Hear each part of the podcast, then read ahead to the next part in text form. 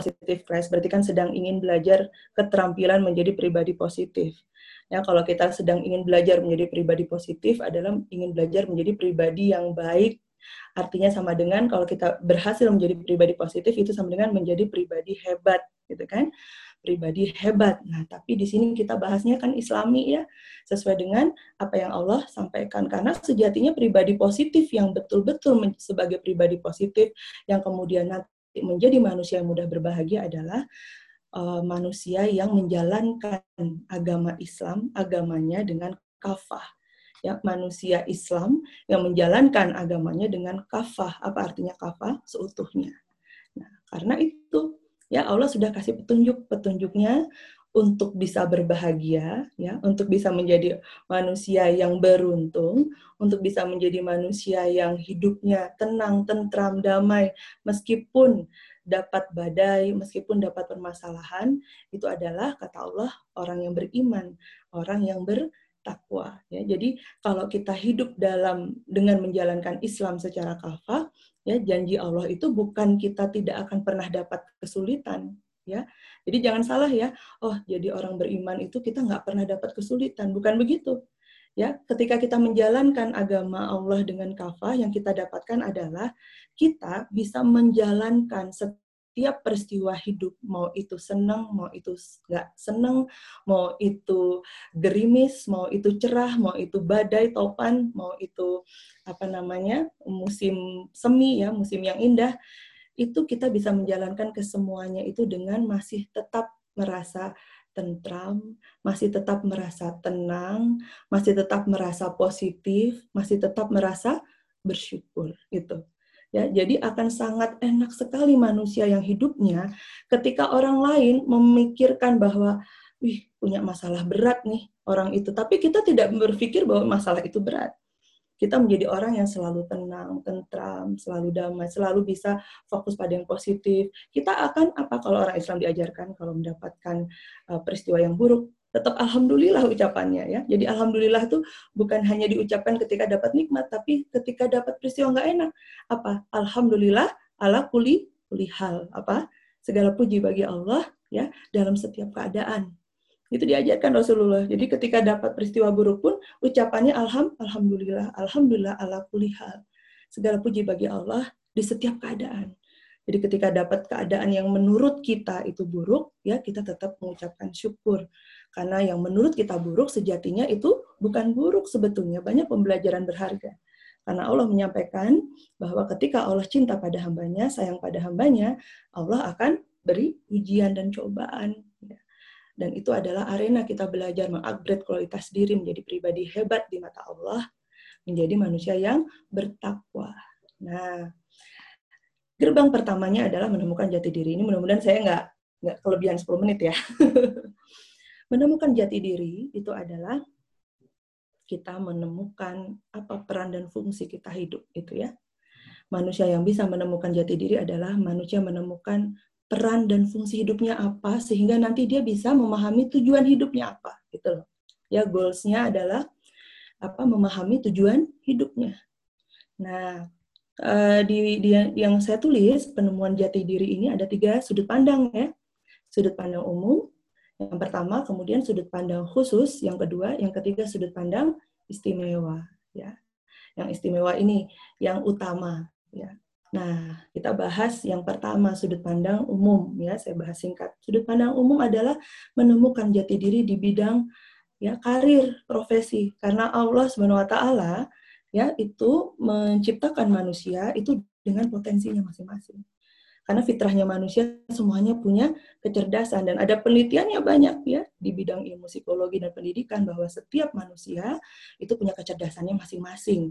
Ada namanya multiple intelligence ya. Kita punya kecerdasan masing-masing. Jadi yang bikin manusia kemudian bilang bahwa aku ini nggak punya potensi apa-apa di bidang bakat dan eh, dan apa namanya di bidang karirnya karena ketika dia menyadari potensi dan bakatnya tersebut ya ya aku nih bidangnya di bahasa nih oh, aku nih bidangnya sejarah nih aku suka nih tentang eh, hal-hal uh, berbau uh, sastra atau berbau uh, apa namanya kesenian ya itu ketika dia menyadari itu ternyata lingkungan tidak mendukung itu saja tidak mendukung, tidak support. Kenapa? Karena ada mindset lingkungan yang salah tentang apa yang dianggap baik sebagai potensi dan apa yang dianggap buruk sebagai potensi.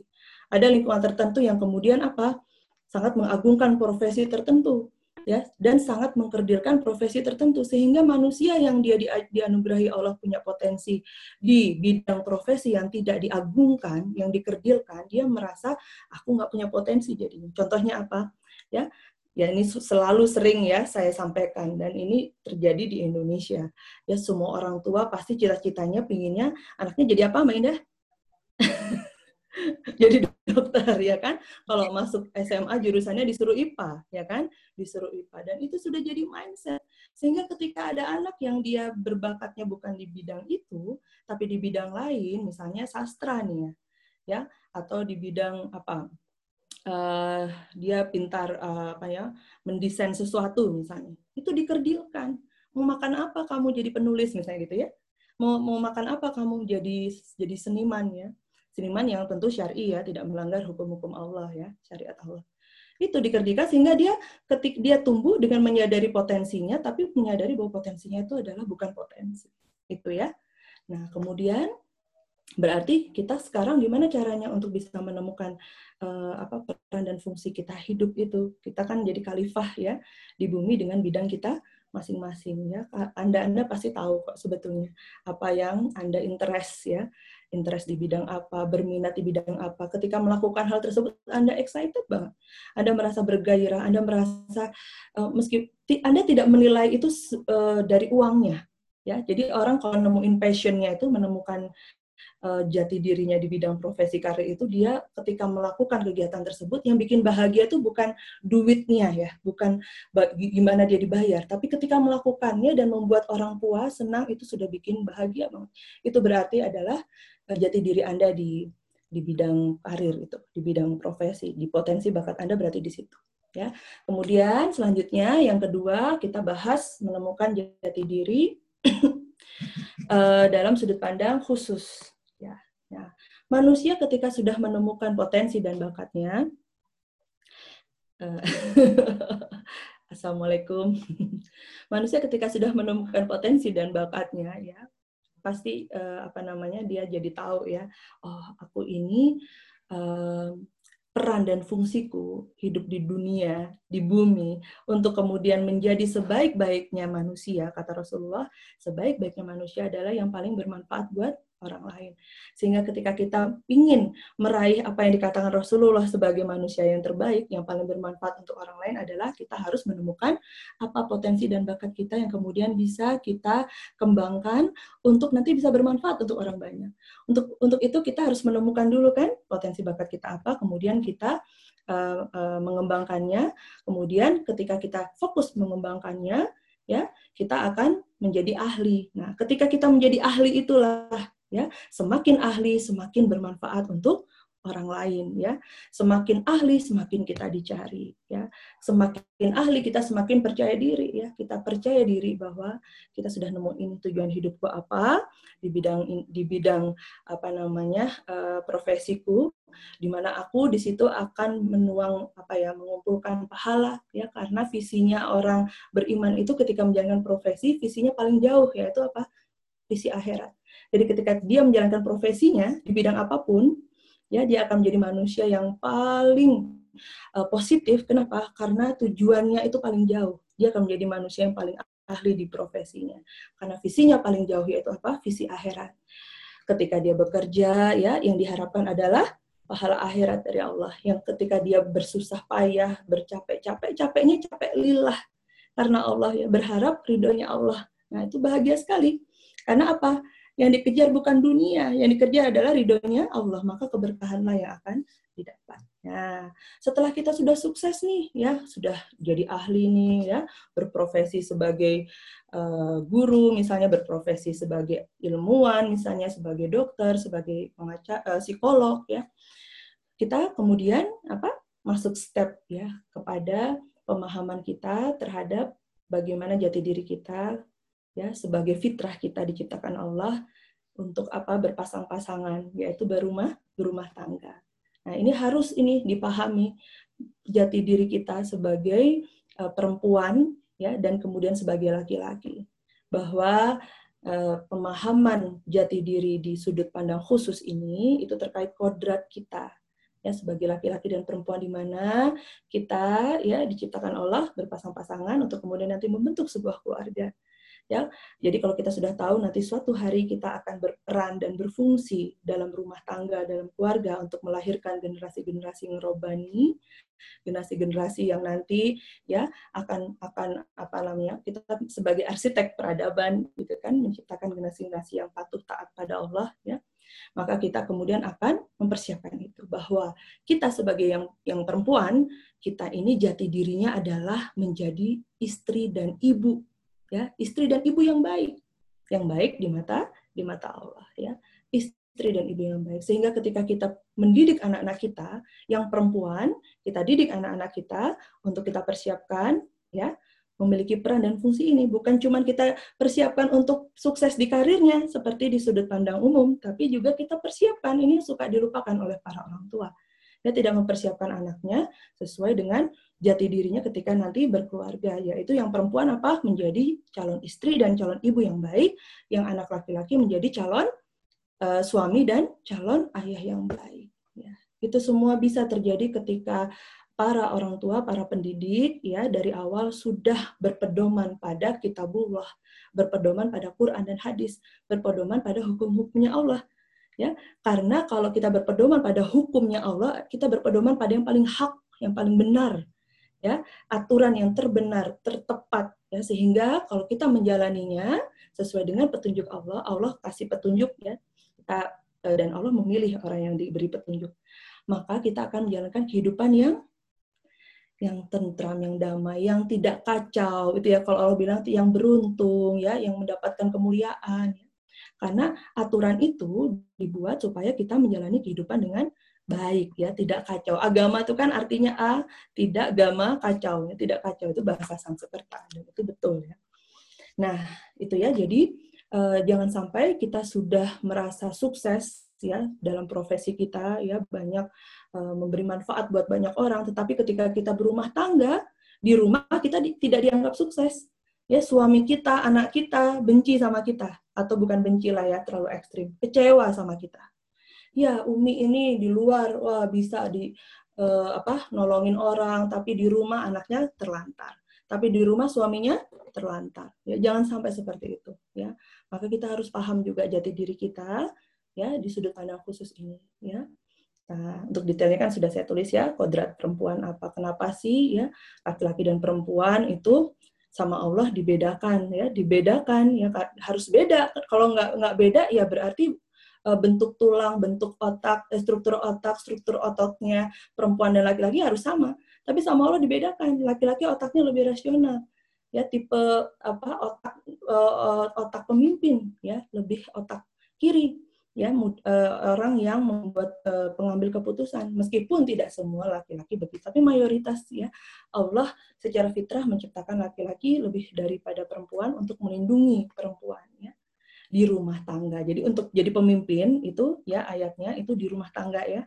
Jadi bukan berarti wanita nggak boleh jadi pemimpin di organisasi dan yang uh, surat yang menyatakan laki-laki pemimpin bagi wanita itu di rumah tangga. Jadi Anda kalaupun Anda seorang gubernur perempuan ya tapi punya suami, balik ke rumah Anda tetap bawahannya suami ya walaupun Anda gubernur, presiden ya sebagai perempuan. Nah, oke yang terakhir ya ini sudah sudah berapa menit Mbak Indah?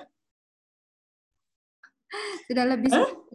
sudah oh ya sedikit ya yang terakhir yang paling utama ya yang paling utama yang kita uh, uh, apa namanya sering tidak menyadari ya sehingga ada orang kan yang kalau ditanya apa jati dirimu aku nggak tahu ya padahal ketika kita paham jati diri kita yang utama kita sudah ngerti ya kita ini siapa dari mana mau ke mana yaitu tentang apa jati diri kita sebagai hamba Allah ya yang yang tugasnya adalah diciptakan Allah untuk beribadah kepada Allah, untuk taat dan patuh kepada Allah. Jadi ya, jati diri yang yang yang utama adalah kita menyadari peran dan fungsi kita yaitu hidup di dunia ini. Apa pun yang kita lakukan semuanya bernilai hendaknya bernilai beribadah menyembah Allah. Untuk bisa seperti itu maka kita ya untuk bisa beribadah uh, dengan yang sesuai ya maka kita harus memupuk cinta ya cinta kepada Allah. Ya karena tadi ya kalau di tulisan saya ya saya tulis ya itu dari pendapat ulama ya yang namanya menyembah itu kita harus ada dua cinta dan taat atau tunduk dan patuh harus dua-duanya ada dan yang dipupuk adalah cinta. Kalau untuk bisa cinta pada Allah, kita harus kenal sama Allah. Untuk bisa kenal sama Allah, kita harus belajar tentang Allah, yaitu dari Quran dan hadis. ya. Kemudian ketika kita sudah cinta, otomatis taat, tunduk, dan patuh Nah, itulah maka ibadah itu akan kemudian bernilai maknanya ketika dalam menjalankan ibadah kepada Allah ada cinta dan ada ketundukan. Nah, cinta ini juga hubungannya sama takut ya. Cinta itu gabung sama takut. Orang kalau udah cinta pasti takut ya, takut sama yang dia cintai. Artinya takut yang baik. Takut apa? Takut ngecewain, takut bikin uh, dia uh, sedih, takut dia meninggalkan kita, takut dia marah. Nah, itu hingga melahirkan ketundukan dan kepatuhan. Dan jangan sampai biasanya manusia ini tunduk eh, cinta yang membuat tunduk dan patuh malah bukan sama Allah, sama yang selain Allah. Ya, harusnya Allah yang kita begitukan, bukan anak kita, bukan suami kita, bukan atasan kita. Ya, tapi manusia biasanya yang dia sembah tanpa sadar karena ada cinta sekali dan kemudian taat tunduk patuh, ya, yang dia sembah ternyata bukan Allah. Hati-hati. Ya, kalau sudah seperti ini kita jadi paham jati diri kita yang utama adalah kita sebagai hamba Allah yang memupuk takwa kita ya dengan apa? Dengan beribadah kepada Allah, belajar mengenal Allah ya lewat Quran dan hadis. Berarti apa? Untuk bisa mengenal jati diri kita pertama minta sama Allah. Yang utama adalah ya Allah izinkan aku mengenalmu. Kemudian ya Allah izinkan aku mencintaimu. Kemudian apa? Ya Allah, izinkan aku untuk taat padamu. Ya, atau pakai kata-kata izinnya diganti tolong ya. Ya Allah, tolong aku untuk cinta padamu. Ya Allah, tolong aku untuk kenal denganmu. Tolong aku untuk taat, tunduk patuh padamu. Tolong aku untuk menjadi manusia yang bertakwa selama-lamanya.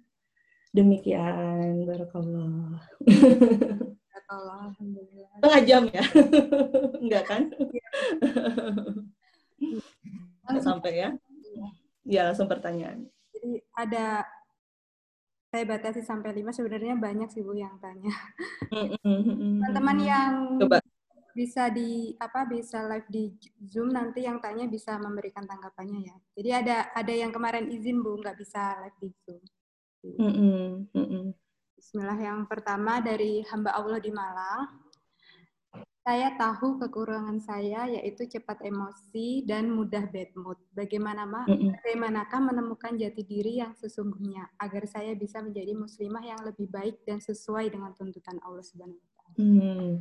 Jadi dia um, barakallah ya yang bertanya uh, merasa diri mudah bad mood, mudah emosi ya.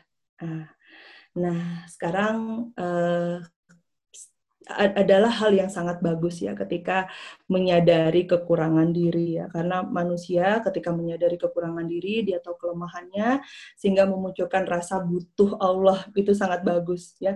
Dan pertanyaan juga menunjukkan hal seperti itu. Menunjukkan bahwa yang bertanya yang menyadari kekurangan dan kelemahannya di hadapan Allah kemudian uh, apa ingin tahu gimana caranya untuk bisa menjadi pribadi yang lebih baik. Ya itu sangat bagus karena Allah mencintai hamba-hambanya yang senang memperbaiki diri yang mensucikan diri. Itu dulu yang pertama ya. Banyak bersyukur karena menyadari ya ke kekurangan diri dan kemudian punya keinginan untuk memperbaiki diri. Nah gimana caranya ya gimana caranya ya semua manusia ketika uh, muncul keinginan untuk butuh Allah untuk butuh Allah, berarti yang harus dilakukan adalah ya, minta tolong sama Allah. Ya, berdoa dulu ya. Karena itu ya, rumus kehidupan itu sama Allah sudah dimampatkan ke dalam satu ayat. Jadi rumus kehidupan itu sama Allah ya diajarkan dengan diturunkan Al-Qur'an. Maka turunnya Al-Qur'an adalah nikmat yang terbesar.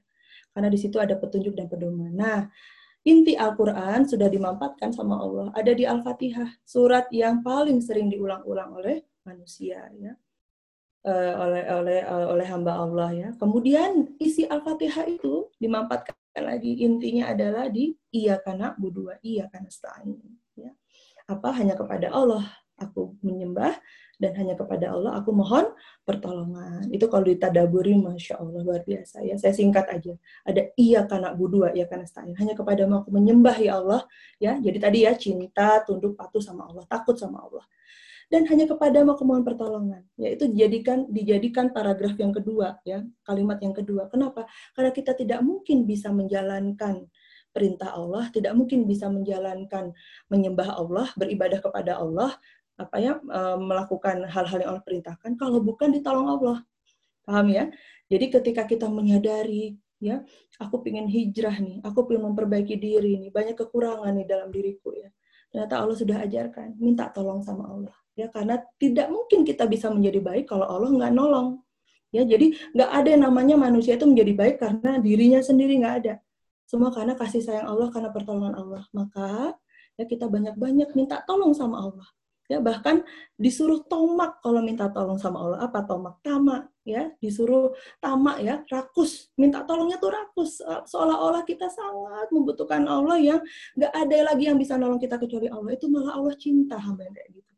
Ya tapi kalau kita tamaknya sama manusia mintanya tamaknya sama manusia manusia biasanya suka jengkel kan dongkol kan. Tapi kalau Allah enggak masya Allah ya ini sudah Allah kasih ya petunjuk bahwa mintalah sama aku. Mau memperbaiki diri mau dekat padaku yang menjadi hambaku yang lebih baik minta sama aku tolong minta tolong sama aku mendekat beribadah angkat tangan gitu ya.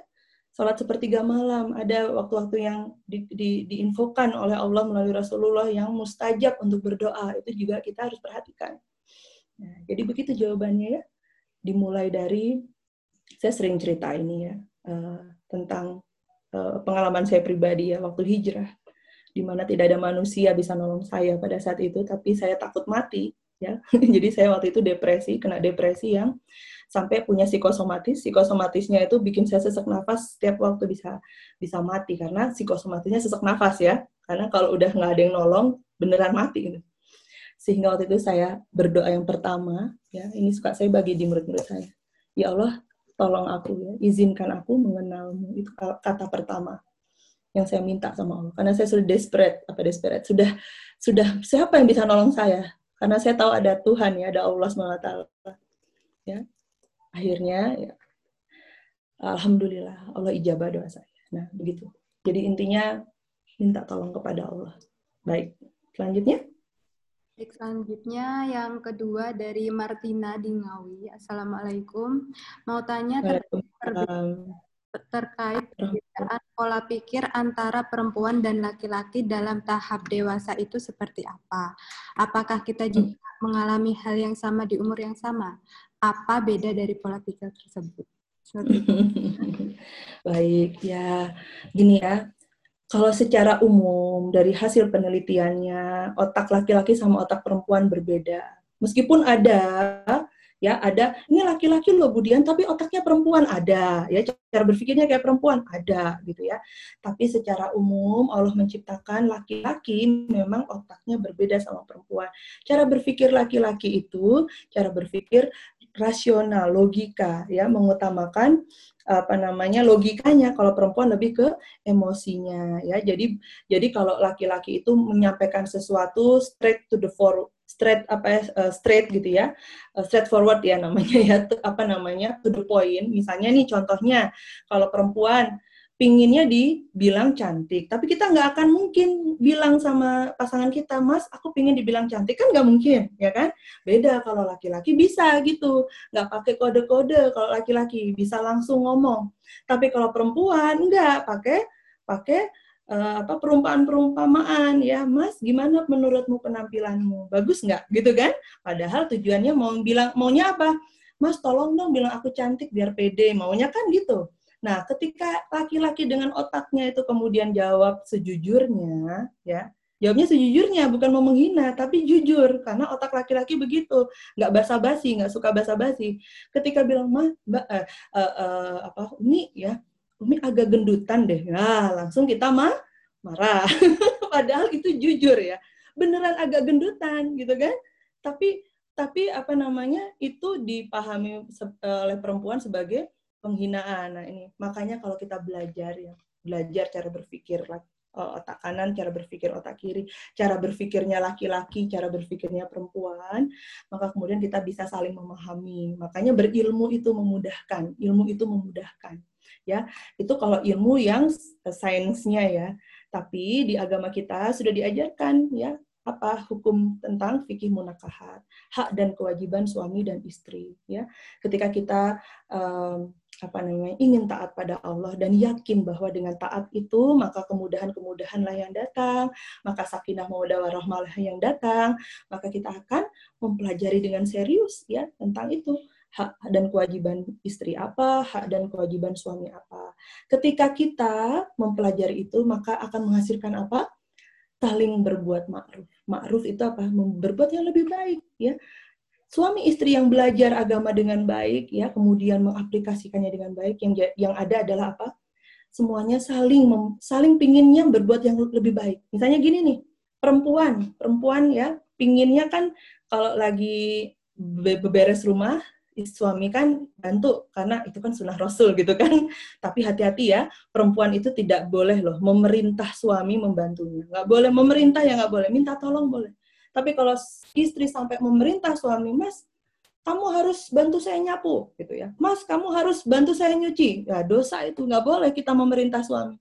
Minta tolong boleh. Nah, ketika si istri belajar hak dan kewajibannya, si suami belajar hak dan kewajibannya, nggak perlu kita kayak gitu, nggak perlu kita apa nuntut ya, langsung dikerjain ya masya Allah ketika suami belajar hak dan kewajiban suami kemudian ingin meneladani sunnah Rasul ya dia tahu bahwa oh Rasul itu suka bantu istrinya di rumah. Jadi nggak usah disuruh istrinya ketika tahu istrinya capek, ketika tahu istrinya keringetan, langsung deh aku bantu ya, masya Allah. Itu ya. Dan kita jadi istri jangan sampai jadi istri yang horor, jadi istri yang suka marah-marah sama suami, nuntut suami. Jadi kayak Rasulullah gitu loh, Mas, ya. Terus istrinya, suaminya jawab, emangnya kamu jadi Khadijah? Uh, jadi Khadijah dulu dong, baru nyuruh saya gitu. Makanya ya, semuanya itu apa having is giving itu ya. Memiliki itu dari banyak memberi. Ya dan Allah itu ajaran Allah having is giving itu. Bukan ajarannya motivator motivator itu barat ya. Apa? Allah bilang kalau ingin disayang Allah maka sayangi orang lain. Lakukan dulu. Kalau ingin dimudahkan Allah maka mudahkan orang lain gitu kan? Kalau ingin dimaafkan Allah maafkan orang lain. Ada banyak sekali ya. Coba dikumpulkan itu yang seperti itu ya seakan-akan Allah menginfokan mekanisme hidup tuh gitu. Kalau ingin dapat banyak beri yang beri dulu ya. Jadi apa? Oh ternyata kalau ingin dibaikin orang kita baikin orang dulu. Kalau ingin diromantisin suami romantis dulu sama suami. Enggak jadi jadi manusia itu kalau kita belajar agama Islam yang baik enggak nuntut ya. Enggak nuding dulu nudingnya ke diri sendiri dulu. Ini aku udah enggak nih? Layak enggak aku dilembutin sama suamiku ya layak nggak aku ya uh, apa namanya dapat uh, kebaikan-kebaikan ya. Ternyata manusia itu apa? Seringnya menilai dan mengevaluasi keburukan orang lain kesalahan dan kekurangan orang lain tapi lupa sama mengevaluasi kesalahan dan keburukan diri sendiri. Nah, Allah ajarkan apa? Kalau mau dapat yang enak-enak, kamu banyak-banyak introspeksi diri, kata Allah, muhasabah ya. Banyak-banyak istighfar. Disuruh begitu. Ketika dapat kesulitan Allah sampaikan apa? Kesulitan itu bukan bukan Allah yang kasih loh tapi buah tanganmu sendiri kata Allah. Allah kasih karunia ya rahmat. Tapi kalau keburukan musibah masalah itu Allah izinkan tapi bukan bukan bukan Allah kasih. Tapi apa? Karena tangan kita sendiri. Karena kesalahan kita sendiri. Ya ada yang Allah ingin kita sadar. Ya Allah tegur kita. Allah ingin kita belajar Mungkin Allah menilai kita belum sabar, dikasih arena untuk sabar. Mungkin Allah lihat kita belum jadi ahli syukur, masih suka dongkol, masih suka ngeluh, maka dikasih arena untuk belajar bersyukur. Ya, dikasih arena yang kita susah susah bersyukur, tapi kita harus bersyukur. Itu. Ya, jadi makanya Allah bilang ketika Allah sayang, maka Allah kasih ujian dan cobaan. Itu masya Allah. Ya. Jadi itu ya. Nah, jadi uh, juga kemudian kalau pertanyaan gimana untuk bisa memahami cara berpikir ya pasangan gitu kan? Itu kalau dari ilmu relationship jawabannya kan komunikasi gitu kan ya. Nah, ini yang harus yang harus dipupuk, yang harus di apa namanya suburkan ya komunikasi yang baik itu sangat penting di setiap hubungan relasi antar siapa pun antara kita sama suami antara kita sama anak antara kita sama teman sama dengan karyawan dengan pekerjaan kita itu yang yang utama yang menciptakan relasi yang baik adalah komunikasi kenapa karena dengan komunikasi yang baik kita jadi saling memahami memahami kebutuhan masing-masing. Oh, orang ini agak sensitif nih kalau misalnya aku bahas tentang um, ya tentang apa ya? tentang orang tua. Um, karena dia kehilangan orang tua, ya udah aku nggak usah bahas orang tua nanti bikin dia sedih. Itu kalau kita komunikasinya baik, kita jadi saling memahami kebutuhan masing-masing. Oh orang ini kalau aku lagi bercanda, bercanda tentang apa namanya fisik dia kayaknya sensitif banget kayaknya aku nggak usah. Tapi kalau sama temanku yang ini kita bercanda tentang fisik oke oke aja gitu kan? Jadi saling memahami kebutuhan masing-masing. Sama pasangan juga seperti itu. Komunikasi harus dijalin. Gimana cara untuk bisa komunikasi yang baik awalnya jadilah pendengar yang baik dulu. Orang bisa nyaman berkomunikasi sama kita karena merasa kita adalah pendengar yang baik karena merasa kita adalah orang yang ketika dia berbicara dengan kita, dia merasa nyaman, gitu ya. Nyaman, kenapa nyaman? Karena didengarkan. Nah, berarti gimana untuk menciptakan komunikasi, yang baik, Budian? Ini kayaknya komunikasiku buruk nih sama pasangan. Dimulai dari diri sendiri. Ya, aturannya adalah semua dimulai dari diri sendiri. Kalau ingin dapat yang baik-baik, ya, dari luar, maka yang dimulai adalah kita lakukan dulu. Ya, jadi pendengar yang baik untuk suami Anda dulu, ya. Jangan hitung-hitungan juga ya. Hati-hati ya ketika kita berbuat baik hitung-hitungan. Aku udah berbuat baik nih sama suamiku, Budian udah satu bulan ini mendengarkan dia aja, tapi dia nggak bales-bales. Habis itu udahlah males aku nggak mau jadi pendengar yang baik lagi. Nah jangan. Anda lagi dilihat loh sama Allah. Ya Allah nih lagi dilihat nih kan yang ngasih kebaikan Allah kan, yang anugerahi rezeki kan Allah kan. Rumah tangga sakinah mawadah warahmah romantis sama suami, mesra sama suami itu anugerah dari Allah. Nah, ketika Anda hitung-hitungan sama Allah, ya Allah juga gimana ya? Ya gitu kan? Maka ketika kita melakukan kebaikan, niatkan kita melakukan kebaikan dengan berharap Allah yang akan balas. Bukan bukan berharap suami kita ditungguin kapan nih suami katanya Budian nanti kalau aku baik duluan suami baik gitu kan dihitung-hitung ya harusnya enggak gitu harusnya ketika kita berniat berbuat baik ya berharap Allah yang kasih kebaikan. Karena apa? Karena yakin janji Allah, ya. Dan kebaikan yang Allah beri itu tidak harus ya dalam hal yang sedang kita tunggu itu bisa dengan hal lain. Misalnya apa? Ketika kita berbuat dengan suami, berbuat baik dengan suami, mungkin bukan wujudnya suami berubah jadi uh, apa romantis yang suka ngasih bunga yang suka berkata-kata mesra bukan itu mungkin tapi apa masya Allah semenjak aku berbuat baik pada suamiku suamiku jadi rajin sholat tahajudnya rajin ke masjid yang sebelumnya nggak pernah ke masjid suamiku jadi bertanya-tanya tentang kajian-kajian Islam jadi punya guru masya Allah ya jadi Allah itu yang paling tahu apa yang terbaik buat kita. Jadi bukan penilaian manusia, bukan penilaian kita tentang baik dan buruk, tapi penilaian Allah. Masya Allah. Sudah Mbak Indah? Berikutnya? Kemudian, Alhamdulillah. Uh, berikutnya pertanyaan ketiga dari saudara Ninis di Malang. Mm -hmm. Ninis, uh, saya punya anak laki-laki yang tahun ini masuk SMA. Di usia ini, anak saya masih bingung kalau ditanyakan apa cita-cita ataupun minat dalam mempersiapkan masa depan, karena saya berpikir persiapan itu harus dilakukan sedini mungkin. Maka beberapa keputusan yang menurut saya bisa mendukung ke depannya akhirnya saya putuskan. Dan saya pun selalu menuntut dia untuk melakukan apa yang saya putuskan. Pertanyaan saya, apakah salah saya jika selalu memutuskan dan menuntut sesuatu untuk orang Apakah itu menghambat perkembangannya untuk menemukan jati dirinya sendiri? Karena di usia ini dia masih sangat manja seperti anak kecil. Apakah ini faktor anak terakhir? Apakah ini juga karena terlalu bergantung ke saya? Terima kasih. Barakallah Bu Ninis, pertanyaannya, Masya Allah.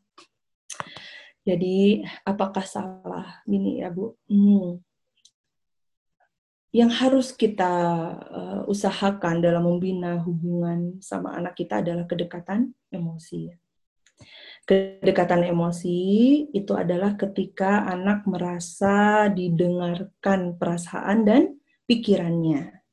Ya, sehingga membuat anak bisa nyaman mengekspresikan apa yang dia pikirkan dan apa yang dia rasakan.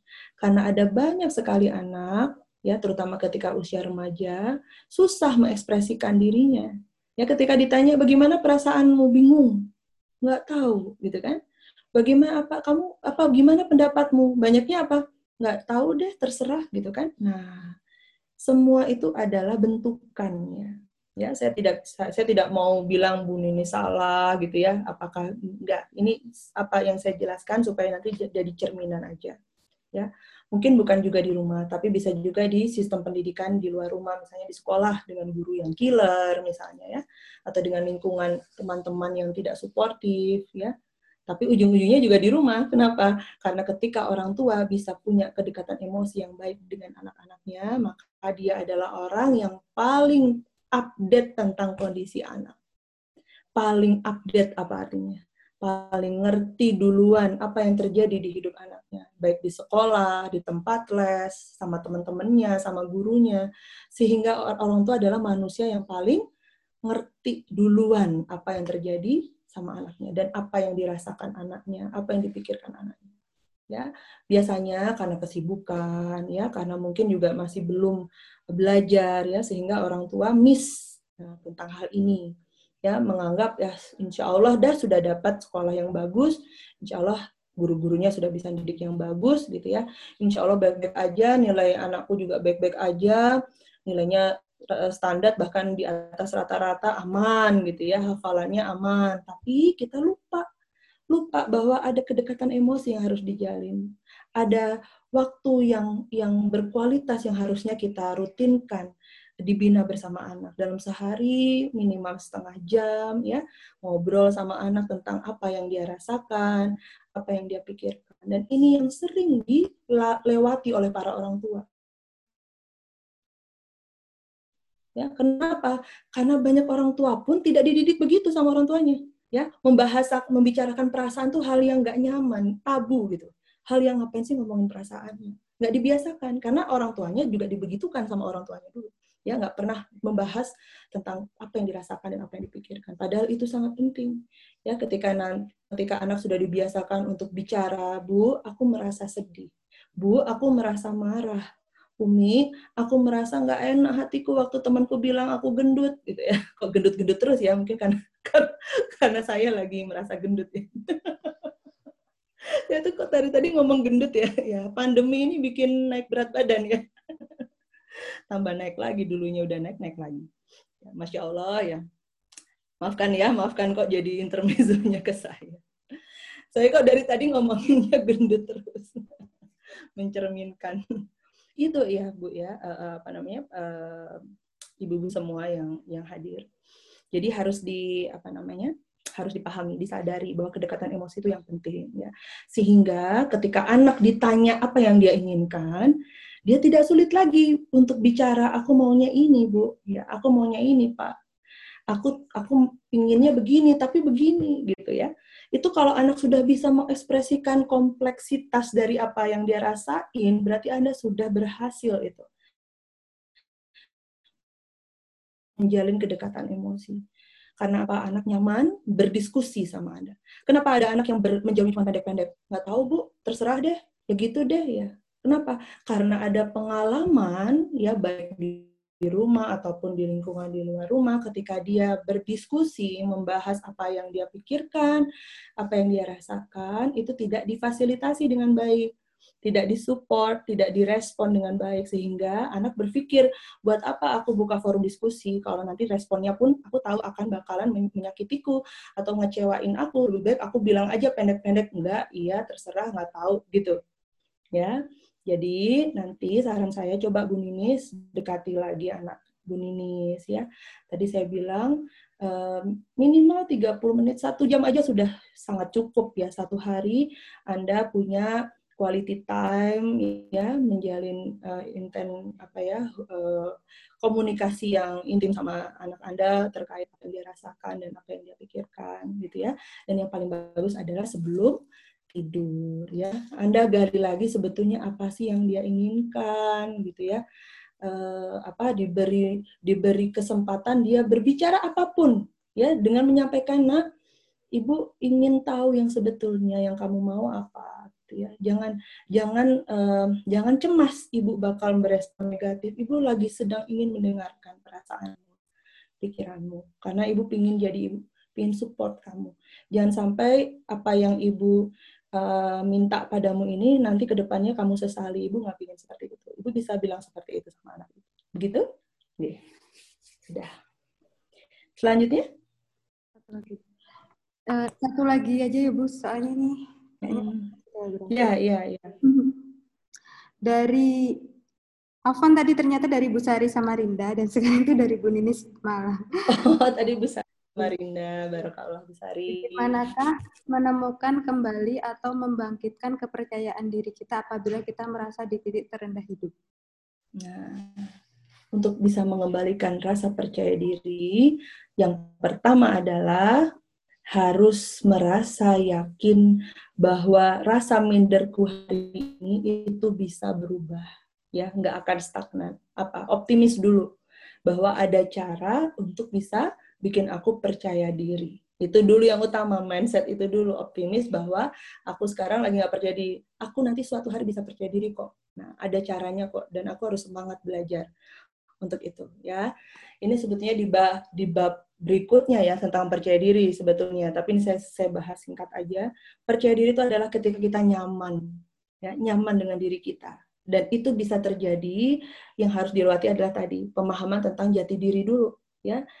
Uh, insya Allah setelah setelah paparan saya mudah-mudahan yang bertanya Bu Ninis ya berarti ini ya Bu Ninis yang bertanya akan kemudian uh, lebih tumbuh lagi percaya dirinya karena tahu bahwa jadi dirinya kita adalah sebagai hamba Allah yang tujuan kita adalah memupuk takwa kita, meningkatkan takwa kita hari demi hari. Karena yang dinilai Allah keren atau tidak keren, kualitas atau tidak kualitas, baik atau buruk itu adalah ketakwaan kita. Kalau manusia enggak, manusia ya kita tidak percaya diri karena apa? Kita terlalu terpatok pada penilaian manusia tentang baik dan buruk. Ya, kita ada di lingkungan yang mengagungkan kecantikan misalnya, kemudian kita banding-bandingkan, aku tidak mancung, aku tidak putih, aku tidak langsing, sehingga kita nggak pede. Ya, kemudian di tempat lain yang mengagungkan pekerjaan profesi tertentu, kita jadi nggak percaya diri karena membanding-bandingkan. Nah, kalau membanding, kalau kita berdasarkan patokan manusia yang ada kita sering nggak pedenya. Ya berarti patokannya patokan Allah. Ya Allah mencintai hambanya yang akhlaknya mulia sebagai hasil atau aplikasi dari ketakwaan yang baik. Begitu. Ada lagi mbak Indah? Lima menit lagi bu. Cukup bu. Ya ya. Ini dari NN di Subang. Mau bertanya terkait pro terkait penemuan jati diri secara umum yaitu profesi bagaimana jika kita baru menyadari minat kita itu bukan profesi kita saat ini. Saya baru menyadari saya tertarik pada dunia anak. Di rumah saya membuka rumah baca. Tapi kuliah saya tidak mengambil perguruan. Bagaimana menyeimbangkan antara karir saat ini dengan minat kita tadi? Tidak apa-apa ya.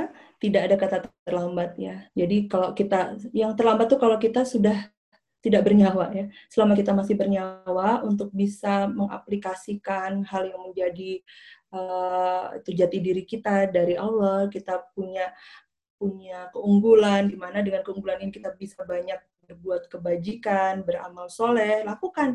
Dan ibu sudah melakukan dengan membuka rumah baca. Nggak apa-apa, ya ibu jalankan profesi ibu yang sekarang, yang ibu berpendidikan di situ, ya tapi ibu juga jalankan ini. Nanti bisa bisa apa namanya bisa terasa kok ya mana yang bagi ibu ya dengan menjalankan itu ibu merasa lebih sehat secara mental. Karena ketika kita menemukan jati diri kita dan kemudian menjalankan itu ya kita kita jadi mengaktualisasi diri. Jadi ada istilahnya di psikologi itu aktualisasi diri itu bikin kita merasa sehat mental ya.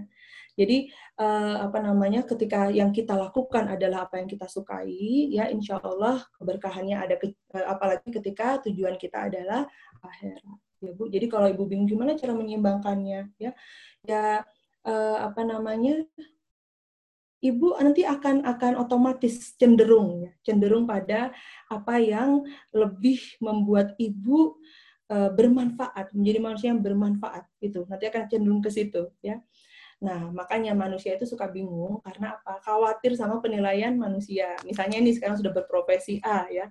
Kok aku passionnya di sini? Nanti takut kan? Kalau nanti aku tinggalkan ini, aku lebih ke sini nanti gimana? Takut banyak serba takutnya. Ya itu ada cara berpikir yang salah ya dan mindset yang salah ya. Insya Allah ketika kita menjalankan sesuatu ya diniatkan untuk ibadah, insya Allah nanti Allah menolong ya. Ketika kita memilih sesuatu karena Allah, Allah akan tolong. Ketika kita meninggalkan sesuatu karena Allah, Allah akan ganti dengan lebih baik. Demikian. Sudah? Sudah. Apa? Ada dua pertanyaan itu ya? Apa di WA aja atau gimana? Iya di WA aja ya Bu ya. Oke, oke. Kemudian bisa voice Terima kasih Budian. Jazakillah khair sudah Iya, Ki. Biar bersama. Kemudian teman-teman juga, terima kasih sudah bergabung di kajian kita kali ini. Ya. Insya Allah kita bertemu lagi ya satu bulan ke depan, Insya Allah. Kayaknya lebih enak uh, full pertanyaan ya, Mbak Indah, untuk minggu depan ya. Oh iya. kayaknya ya. Nggak usah saya paparkan lagi ya. Jadi biar puas yang pesertanya nanya, saya jawab. Iya, iya Bu. yeah. mohon maaf ya bagi yang bertanya tapi tidak bisa saya jawab. Terima kasih kemudian. Sama-sama. Wassalamualaikum warahmatullahi wabarakatuh. Waalaikumsalam warahmatullahi wabarakatuh.